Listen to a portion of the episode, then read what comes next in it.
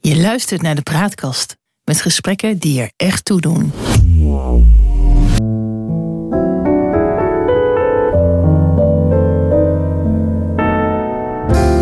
Welkom bij de Praatkast.nl. Dit is een aflevering van het Geheugenpaleis. Mijn naam is John Knierim en samen met Han van der Horst maken we deze podcast.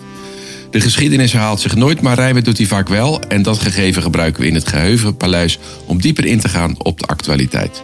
Zo gaan we aan de waan van de dag voorbij en bereiken we de kern van het nieuws. We scheppen orde in een maalstroom van berichten die het zicht op de grote lijn belemmeren. En tussen beide blijkt dat de werkelijkheid vaak genoeg elke fantasie te boven gaat. Han, jij wilde het hebben over het referendum.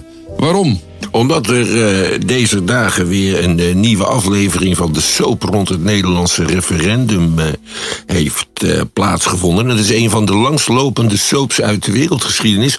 Wat is eigenlijk al in 1966 begonnen met de oprichting van een nieuwe partij die alles zou veranderen en het politieke bestel zou laten ontploffen. De partij D66. En hoog op de agenda stond een referendum. Het, het inroepen van een referendum. Dat zou dan uitkomst moeten bieden aan een bepaald fundamenteel probleem in onze democratie. Kan jij Ja. iets over zeggen? Het, eh, het probleem was dat er een te grote afstand bestond tussen de politiek en de burgers. Al dus de oprichters van, eh, van D66. Daarom vonden ze ook dat het zittende bestel in Nederland moest ontploffen. En een van de manieren om de burgers echt bij de politiek te betrekken was het geven van zeggenschap. En dat kan door middel van een referendum. Dat was de redenering. Ja, en dat is nog steeds de redenering. Ja, want er zijn wel pogingen gedaan om eh, het referendum eh, in te voeren. Ja. En die pogingen die zijn eh, steeds mislukt. Een beroemd an- anekdotisch gebeuren is de zogenaamde Nacht van Wiegel. In 1999 heeft Hans Wiegel, fractievoorzitter van de VVD in de Eerste Kamer, ervoor gezorgd dat een referendumwet er niet doorkwam. Daar is zelfs het eh, kabinet een paar dagen voor eh, eh, afgetreden. Ehm, Ja. En we hebben uiteindelijk als doekje voor het bloeden iets gekregen dat heette het raadgevend referendum. En dat referendum heeft Nederland maar een jaar of drie gekend. En eh, Ja. dat is toen is de wet op dat referendum is ingetrokken. Waarom een raadgevend referendum? Voor een referendum dat meer is dan raadgevend, heb je namelijk een grondwetswijziging nodig. En nou, waarom de soap zo eindeloos is, voor een grondwetswijziging heb je in beide kamers twee derde meerderheid nodig. En ook nog eens een keer over twee periodes. Ook over twee periodes. Dus, Ja. hè, dus een grondwetwijziging in Nederland is heel moeilijk. Een belangrijke minderheid kan dat tegenhouden. Nou, is er eh, een, een rapport verschenen van de eh, Staatscommissie Parlementair Stelsel, omdat men wel zag dat er toch iets fundamenteel eh, niet goed loopt in de, in de democratie. En daarin wordt, dat rapport heet overigens Lage Drempels, Hoge Dijken. En daarin wordt ook voorgesteld om een, een referendum in het leven te roepen. Ja, en het, het voorstel, eh, het, het jongste voorstel op dat gebied is daar een eh, erg aan verwant. Het gaat om een correctief referendum. Dat betekent eh, dat je via een referendum een aangenomen wet weer in kunt laten trekken. Ja. En dat kan dan maar onder zeer beperkte omstandigheden. Het mag bijvoorbeeld niet gaan over internationale verdragen of over eh, de staatsvorm van Nederland. Dus je kunt niet bij referendum de monarchie afschaffen. En dan is het ook nog zo eh, dat er een, een heel grote hoeveelheid mensen op moet komen om dat referendum geldig te maken. Ja. Eh, dus, dus het is, ja, het is een, een, een, een, een zeer aangelengd referendum. En dat is zo aangelengd door de indiener en opsteller daarvan, het voormalige SP-Kamerlid Ronald van Raak, om het een beetje aanvaardbaar te maken voor de echte tegenstanders van het Ja. referendum, die vind je vooral in de VVD en, eh, en bij kleine christelijke partijen zoals de SGP of de ChristenUnie, die voelen daar niet voor. En het knappe is nu dat men het zo heeft weten te vremen dat het feit dat Nederland geen referendum kent, dat dat nu geweten wordt aan D66. Dat, Ja. is, dat is knap gedaan van de VVD, want dat is de grote vijand van het referendum in Nederland.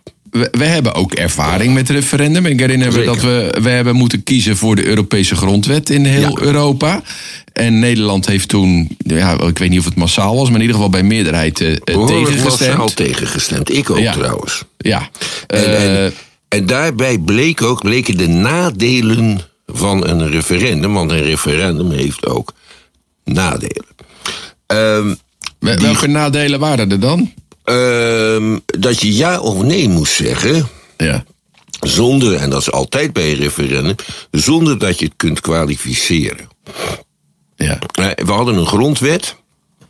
En de regeringspartijen, of eigenlijk alle grote partijen in Nederland, zeiden tegen de bevolking: stem voor die grondwet, want als je dat niet doet, nou dan zouden de verschrikkelijke tijden aanbreken.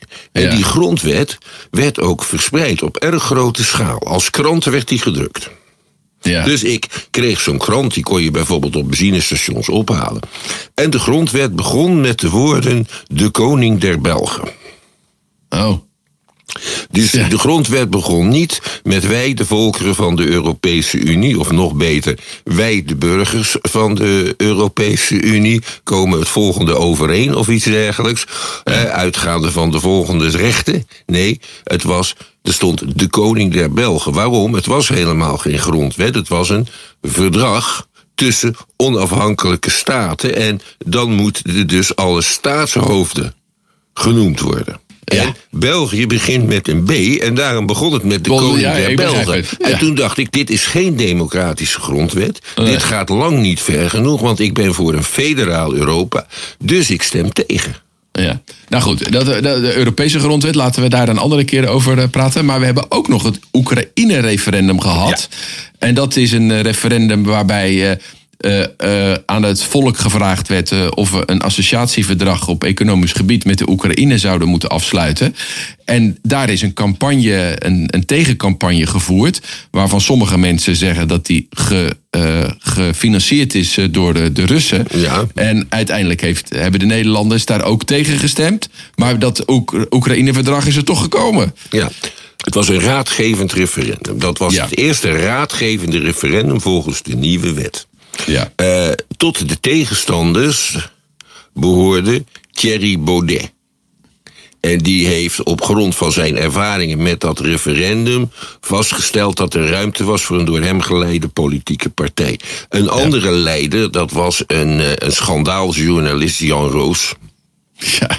En die voerde campagne tegen dat associatieverdrag met de Oekraïne, omdat de Oekraïne een onbeschaafd, corrupt en ver land was. En je zou zien dat al die Oekraïners naar Nederland kwamen. Daar Nou, over, ze dat, over die met- eerste conclusie hadden ze natuurlijk wel gelijk. Het was natuurlijk een geen democratisch en geen beschaafd land. Het is een in en in tot op het bot verdeeld corrupt land. Oh, dat Eh, zal Toen in die tijd al, ja. Maar goed, Dus, en daarom moest je ze geen associatieverdrag. Ook verspreiden ze misleidende informatie over wat zo'n associatieverdrag precies inhoudt. ja. Europa heeft heel veel associatieverdragen met heel veel landen. Bijvoorbeeld dat- in het Midden-Oosten, daar weet niemand, daar maakt niemand een drama van. Ja. Goed, dat leidde ertoe dat de eh, een meerderheid wees het associatieverdrag met de Oekraïne af. Toen heeft de regering het verdrag niet tegengehouden, maar wel een aantal dingetjes op één papiertje erbij gezet. Dat was het zogenaamde A4'tje. Ja. Er is nog een raadgevend referendum geweest... waarvan ik zelfs bij God vergeten ben waar het over ging... maar het had iets met het computerwezen te maken. Jij Ja. weet daar meer van Ja, ja, dan ja, ik. dat had te maken met de dataopslagwet volgens de mij. Ja, dataopslagwet. ja. En toen dacht ik op een gegeven moment... wat is dit nu voor een flauwekul? Wat moet ik doen als voorstander van die wet? En toen dacht ik, ik moet thuis blijven. Hè, want er, is een, een, een, er moet minimaal 33% van de, van de kiesgerechtigden aan meedoen. Anders is het hele referendum niet geldig. Ik kan waarschijnlijk beter thuis blijven dan dat ik tegen ga stemmen. Ja. En toen ben ik thuis gebleven. Ja. Geval- Dit zijn ja. allemaal redenen waarom die wet als onwerkzaam is ingetrokken. Ja. Dat is op zich niet zo'n gek idee. Want Nee. het was een slechte wet. En je kan beter geen wet hebben dan een slechte wet. Ja. Eh, daar denken ze voor mij in Den Haag anders over. We hebben ook natuurlijk nog eh, ervaringen met onze buurlanden. De hele brexit, eh, het uittreden van, de- uit de Europese Unie van het Ja. Verenigd Koninkrijk... is door een nogal dubieus referendum eh, tot stand gebracht. eh. En dat is een referendum uitgeschreven door de regering zelf. In de Ja. Nederlandse referendumwet, die eh, van de soap, kan de regering dat niet. Nee. Dus, nee, dat moet het eh, vanuit het volk komen. Echt het initiatief vanuit- vanuit het volk. Ja. Echt dit initiatief, zoveel handtekeningen, dan mag het. Maar de regering mag het niet. Ja. En eh, destijds eh, wilde premier Cameron zijn positie versterken. Hij dacht, ik organiseer een referendum. Dan stemt iedereen pro-EU. En, dan is, en dat is goed voor de stabiliteit van de regering. En aan dingen die die van plan was. En Ja. toen stemde het volk om tal van redenen tegen. Ja, en het is nu zelfs zover dat de mensen die toen tegenstemden. Ontkennen dat ze tegen hebben gestemd. omdat ze zien welke ramp het eh, voor Engeland eh, met zich meebrengt. Ja. Maar er, we zitten nou een beetje af te geven op dat referendum. Maar volgens mij hebben we ook nog wel een goed voorbeeld. dat de abortuswet in, in Ierland. eh, Ja. hoe die afgeschaft is. Kan je daar iets over zeggen? Ja, daar is, eh, nou, dat is ook bij referendum gegaan. Ja. En toen is de abortuswet, eh, het verbod op abortus is afgeschaft. In Ierland was traditioneel een heel erg katholiek land. Ja. En dat is in de jaren tachtig van de vorige eeuw heel snel verschrikkelijk af gaan kalven. Net zoals dat in Nederland is gebeurd. Maar ondanks dat had de katholieke kerk nog allerlei voorrechten. En die gaan nu stuk voor stuk verdwijnen. En daar hoorde die abortuswet bij. Jij vindt het een goeie, goed voorbeeld van een goed referendum... omdat Ja. de uitslag je bevalt. Nou, nee, ik, Ja. dat, dat zou je natuurlijk kunnen zeggen. Maar mijn, mijn indruk is, is dat, dat in Ierland uiteindelijk die discussie beslecht is. nadat dat er ook een uitgebreide maatschappelijke discussie Ja. heeft Ja, plaatsgevonden. en, dat, en dat kan ook. Over Ja. zo'n onderwerp. Dat is een belangrijk ethisch onderwerp. Daar kan iedereen over meepraten. Ja. Zonder dat je een eh, grote of specialistische kennis daarover ja, moet hebben. Ja. En, Want- dan, en in dat soort gevallen is een referendum een, een erg eh, goed idee. Maar stel je nou voor dat je een, eh, een referendum hebt over een wet op het stikstofbeleid. Ja, dat wordt wel een lastig verhaal natuurlijk. Want dat is iets wat je, eh, denk ik, alleen maar in de nuance met elkaar kan beslechten. Ja, en dat zou volgens de wet van Ronald van Raak, het voorstel van Ronald van Raak, wel kunnen. ja. ja. Dus, ja, dus je, kunt, je kunt ook, je kunt referenda misbruiken. En referenda worden met name misbruikt door regeringen en politieke partijen. ja, vertel daar eens wat over dan. Eh, regeringen doen dat namelijk om hun macht te versterken ten opzichte van het parlement. Ze gaan zo rechtstreeks naar het volk en stellen een eenvoudige vraag. Iemand die daar een meester in was, was de Gaulle. Ja. De Gaulle Maar wacht even, wacht even, wacht even, wacht even. We gaan, we gaan zo even erop in. Even, ik wil eerst eventjes een zijstapje maken naar hoe we dat eigenlijk op de basisschool allemaal leren over referenda. Ja. En daar wordt Zwitserland als voorbeeld gegeven. Ja. Want daar is het, heeft het een hele sterke traditie, eh, het referendum. En het is vastgelegd in de grondwet. Ja. En het lijkt dat het daar succesvol werkt. Ja, en dat werkt ook al heel lang en dat gaat als volgt. Je hebt twee soorten referenda. Je hebt het verplichte referendum. En eh, dat referendum moet de regering uitschrijven als eh, de grondwet gewijzigd moet worden. Dingen van zulke betekenis. Je hebt het facultatieve referendum en dat moet worden uitgeschreven als 50.000 burgers erom vragen. Ja. En dat wordt ook regelmatig toegepast. Ja. En dan zie je dat nu, al- als we tenminste Carolien de Gruiter van de NRC mogen geloven, dat Een de radicalen, de heel uitgesproken politieke partijen in eh, Zwitserland daar nu gebruik van maken. Dat zijn aan de ene kant de Zwitserse Volkspartij, en dat is een soort PVV-light. Ja. En de SP, de Sociaal, Socialistische Partij, en die heeft een krachtige linkervleugel. Ja. En over de Groenen had ze het niet, dat is een sterk opkomende partij in Zwitserland. Maar groene voorstellen lenen zich natuurlijk heel goed tot referenda. Daar zijn de eh, Zwitsers aan gewend, daar doen ze aan mee. En uit de uitslagen blijkt meestal iets wat die Caroline de Gruyter in dat artikel van haar ook sterk naar voren bracht. De partijen zijn tegenwoordig radicaler dan de kiezers, want de meeste mensen zijn gematigd. Gematigd. Gematigd, ja. En die partijen zijn opgeschoven. Dat zie je in wij, wezen in Nederland eh, natuurlijk ook. eh, ja. Dat we ter- vooral eh, ter rechterzijde Ja. wat meer extremisme hebben. Overigens ook aan de linkerzijde. Als we het dan hebben over een partij als Denken. Maar goed, dat is een andere discussie. Hebben we in Nederland in, in de geschiedenisreferenda eh, Zeker. eh, gehad? In, het, in 1797 al. In, in 1796 kwam de eerste kwam een nationale vergadering bijeen. Dat was het eerste Nederlandse parlement. Dat was toen Napoleon weggejaagd was, nee, of niet? dat Eh, was juist niet. Dat was toen de Fransen Nederland waren binnengevallen in 1795. Ja. Toen is de Bataafse Republiek uitgeroepen en stadhouder Willem V gevlucht enzovoorts. En toen besloten de besloot men van nee, is er een, een nationale vergadering verkozen Mhm. die tot doel had van Nederland een modern land te maken. En niet een raar feoda- het rare feodale allegaatje te laten zijn wat het was. Nationale vergadering. Alle mannen die in hun eigen onderhoud konden voorzien, mochten daarvoor stemmen. En eh, die nationale vergadering moest een grondwet opstellen. En ze moesten bovendien leren hoe je je als parlement moet gedragen. Want dat, had, dat kende Nederland niet, een parlement. nee. Dus het grond, grondwet is heel erg dik geworden. Uiteindelijk eh wel compromissen en polderen aan elkaar. Het Ja. heette ook in de wandelingen dikke boek, die grondwet. En die is toen bij referendum afgeschoten. En iedereen mocht meedoen aan dat referendum. Alle mannen die in hun eigen onderhoud konden voorzien. Dus als jij bij de bedeling zat, dan mocht het niet. En, en dat was iets wat door Napoleon eigenlijk dan eh, eh, geïnitieerd werd. Nee, want Napoleon, dat is allemaal veel later. Hè? Dus het idee was van Nederland een soort ja, iets te maken wat toch behoorlijk was. Die grondwet was ook behoorlijk democratisch. En dat is door Napoleon allemaal eh, weer, eh, weer ingetrokken.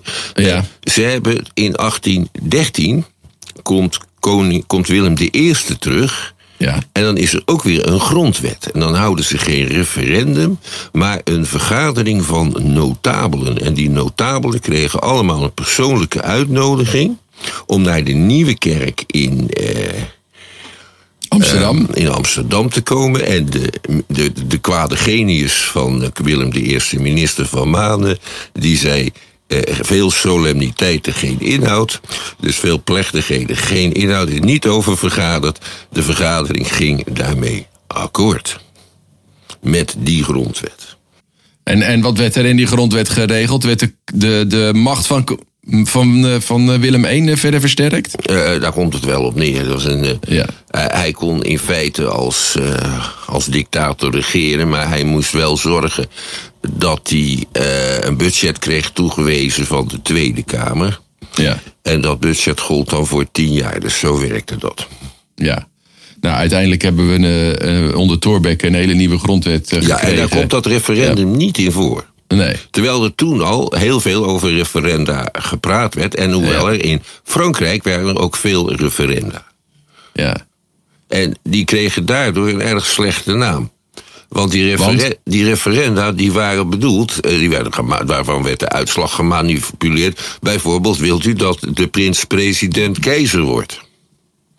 Ja. 80% wou dat. En toen werd Napoleon de derde keizer. De zoon van Lodewijk Napoleon, koning van Holland. Maar je, hoe, in welke zin werd dat dan gemanipuleerd? Dat begrijp ik dan nog niet Eh, zo. nou, wat ze in Frankrijk deden, dat heel eenvoudig. Eh, Eh, de stembus eh, die werd s'nachts door de burgemeester bewaard en vervolgens naar een centrale plek gebracht. En wat je natuurlijk ook heel, dat hebben ze in Amerika trouwens heel erg, wat je heel erg kan doen, dat gebeurt in, Amerika, in Amerika veel, dat is de zogenaamde churchyard vote. Eh, je schrijft de overledene niet uit uit het kiesregister. Oh, ja, en je brengt ja. voor die overledene zelf de stem uit. Maar dat zijn een heel ander verhaal. Ja, ja, precies. In Amerika zijn heel veel referenda. Die worden meestal tegelijk met verkiezingen gehouden. In Californië bijvoorbeeld.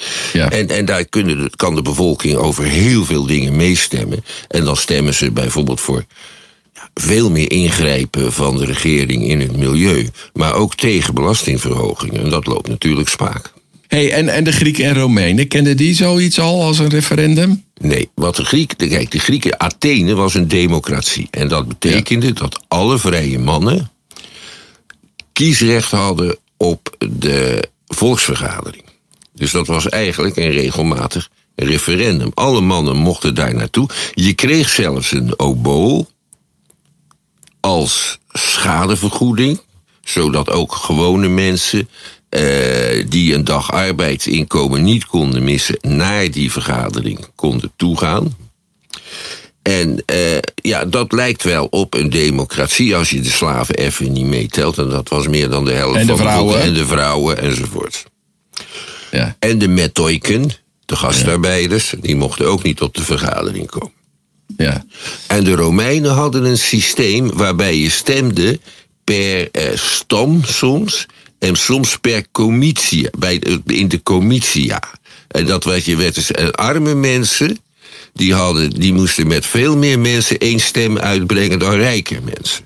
Dus dat was er gemanipuleerd eh, met een overwicht voor de rijken in die volksvergadering. ja. Allemaal democratisch-achtige dingen, Ja. maar niet helemaal. Ja.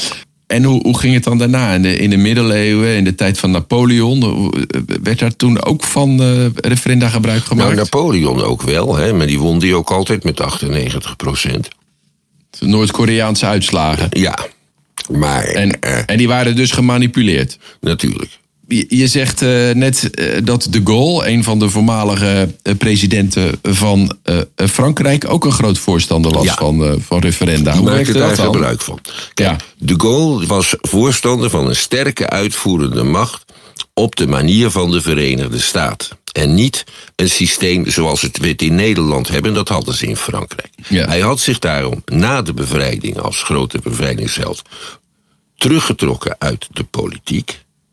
Ja. Nadat hij een jaartje premier was geweest, omdat hij onder de eh, heersende voorwaarden eh, er geen heil in zag. En in 1958 stond Frankrijk op de rand van de burgeroorlog. En dat ging om Algerije. De kolonie Algerije, daar waren de Arabieren in opstand gekomen. Er woonden daar ook een paar miljoen Franse kolonisten. Dus dat was een soort oorlog à la de oorlog in Vietnam. En toen heeft men ten einde raad de Gaulle laten komen. Die zei, dit zijn mijn voorwaarden.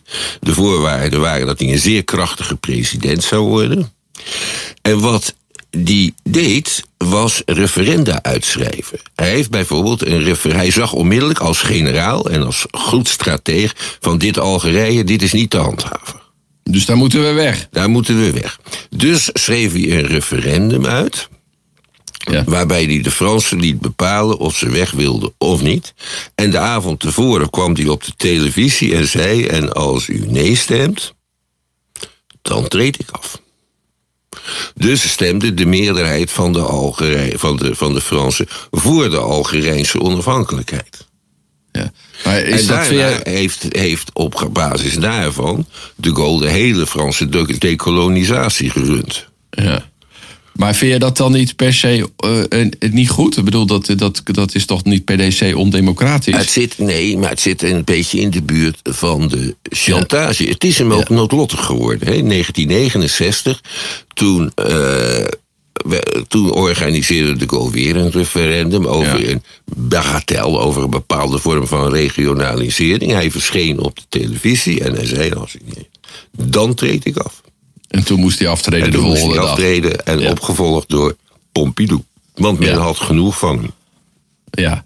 Hey, en je zegt uh, eerder in, in het gesprek wat we vandaag hebben... Dat, dat het ook vooral gebruikt wordt door slechte regimes om zichzelf te legitimeren. Ja. Dat zien we natuurlijk wel eens. Dat Volgens mij heeft Erdogan uh, die dingen wel eens gedaan. In Afrika is het volgens mij veel toegepast. Ja, en, in, in, en Poetin is het nu van plan. Hè, in de gebieden die hij bezet heeft. Je zult zien ja. dat er allemaal referenda komen. Over on, eerst over onafhankelijkheid en dan over aansluiting bij Rusland. En is 80% is voor. Ja, maar zijn die dan gemanipuleerd, die referenda daar? Of, of zijn de oorspronkelijke Oekraïners gewoon weggejaagd? Uh, nou, waar je bij dit soort verkiezingen in moderne tijden, in oude tijden, deze dat ook trouwens voor moet zorgen, is dat de uitslag oké is. Uh, dus het is bijvoorbeeld niet erg geloofwaardig als je met 92% wint. Dat moet je niet doen. Maar ja. je moet met 55% winnen. Of je stelt op een gegeven moment vast uh, dat er onregelmatigheden hebben plaatsgevonden. Dus gaat de kiescommissie alle stemmen nog een keer tellen. En die verklaart dan meer stemmen van je tegenstanders ongeldig dan van je voorstanders. Zo doe je dat tegenwoordig. Neem je ook de tijd voor en dan komt het prima voor elkaar. Het is een, een makkelijk middel om het volk te manipuleren en ja. uitslagen te manipuleren. Ja, en toch, en toch is het heel bruikbaar. En het zou ook heel erg bruikbaar kunnen zijn, denk ik, op gemeentelijk niveau. Op voorwaarde ja. dat je een duidelijke vraag hebt. Met een duidelijk ja of nee. En op voorwaarde dat het publiek van tevoren goed op de hoogte wordt gesteld. Ja. Ja, en dat het niet iets is waarvoor je specifieke vakkennis voor nodig hebt. Stel je voor dat je een referendum zou houden over bijvoorbeeld... moet het uh, Rijksinstituut voor Vaccinatie worden opgeheven of niet? Ja. Ja, precies. Dat vergt toch wel een diepgaande kennis ja. over hoe je dan met bepaalde zaken omgaat. Maar zijn er niet ook andere oplossingen als we dan uh, wat oplossingsrichtingen bekijken? Bijvoorbeeld op gemeentelijk niveau door daar met burgerfora te gaan werken. En volgens ja. mij gebeurt dat in bepaalde plaatsen al. Dat bepaalde wijken hun wijk adopteren. En dat de gemeente uitvoert met wat er in zo'n wijkraad verder bepaald wordt. Zeker. Dan is het de vraag. Uh hoe die eh, wijkraden dan tot stand komen of die burgerfora. Ik denk ja. de beste manier is loten. Dat ja. deden de oude Atheners trouwens ook voor heel veel uh, commissies enzovoort. Gewoon loten. Dus je krijgt op een gegeven moment een brief van uh, we hebben geloot en uh, wij, wij, zouden met u en nog honderd mensen uit de buurt graag in overleg treden over de nieuwe bestratingen of zo. Ja. Ja, en, en voor mij heeft wetenschappelijk onderzoek ook aangetoond dat in, in geval van, van, van loting de besluiten die ja. genomen worden minstens zo goed zijn dan mensen die ja. zichzelf graag naar voren ja, schuiven. Zeker. En die grote Bel Belgische schrijver uh, van Rijbroek, hè, van de boeken ja. over de Indonesische revolutie en de Congolese onafhankelijkheid, die is daar een groot voorstander van. En die heeft daar ook een aantal van dit soort, uh, dit soort clubs georganiseerd. Ja. Duizend mensen die over grote maatschappelijke problemen praten. Ja. Ik heb er trouwens wel eens aan meegedaan, aan ja. zoiets op het niveau van mijn gemeente Schiedam. En het probleem was, maar dat is een kwestie van regie, dat we eh, na een tijdje zo'n beetje er wel over eens waren dat het kwade slecht was en het goede oh, goed. Uh, goed. en dat je het een uh, niet hoefde te laten als je het ander wilde doen. Hè? Dus, dan, ja. dus we waren het eens, maar je kon er niks mee. Ja. Maar toch zou, zou het, het op die manier inrichten van een betere betrokkenheid. Want we hebben net aan het begin van het gesprek geconstateerd dat er een te grote afstand is tussen het tussen de politiek en zeg maar de gewone mensen, zoals jij en ik. Dus, en, en een referendum werd daar een oplossing uh, als oplossing voor bedacht. Maar het inrichten van burgerfora, het meer betrekken, uh, raadplegen van mensen op andere ja. manieren, zou dat nou niet een betere manier zijn om die kloof tussen de politiek en de burgers te, te Wel te, als je het levend houdt. Ik heb ook te maken ja. gehad, want ik ben een oude man, zoals je weet, met de democratisering van de universiteiten. Ja. En uh, dat betekende dat die universiteiten werden bestuurd uh, en gecontroleerd door allerlei gekozen raden. Op alle ja. niveaus. En toen bleek er eens een kleine groep vergadertijgers op te staan.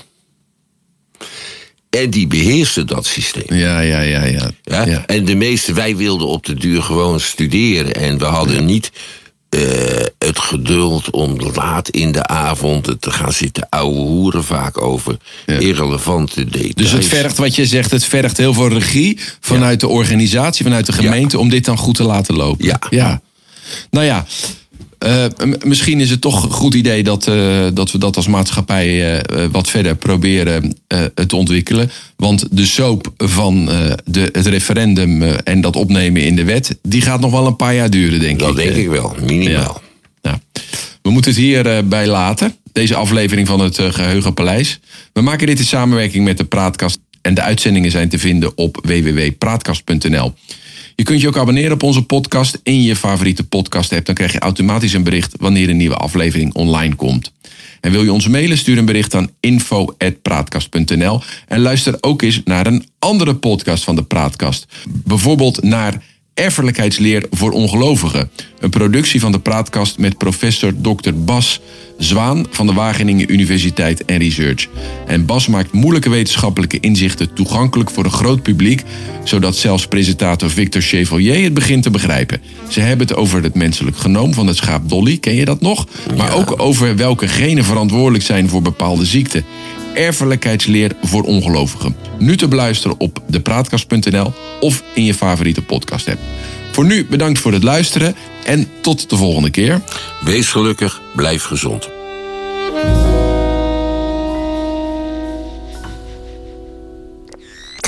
De Praatkast.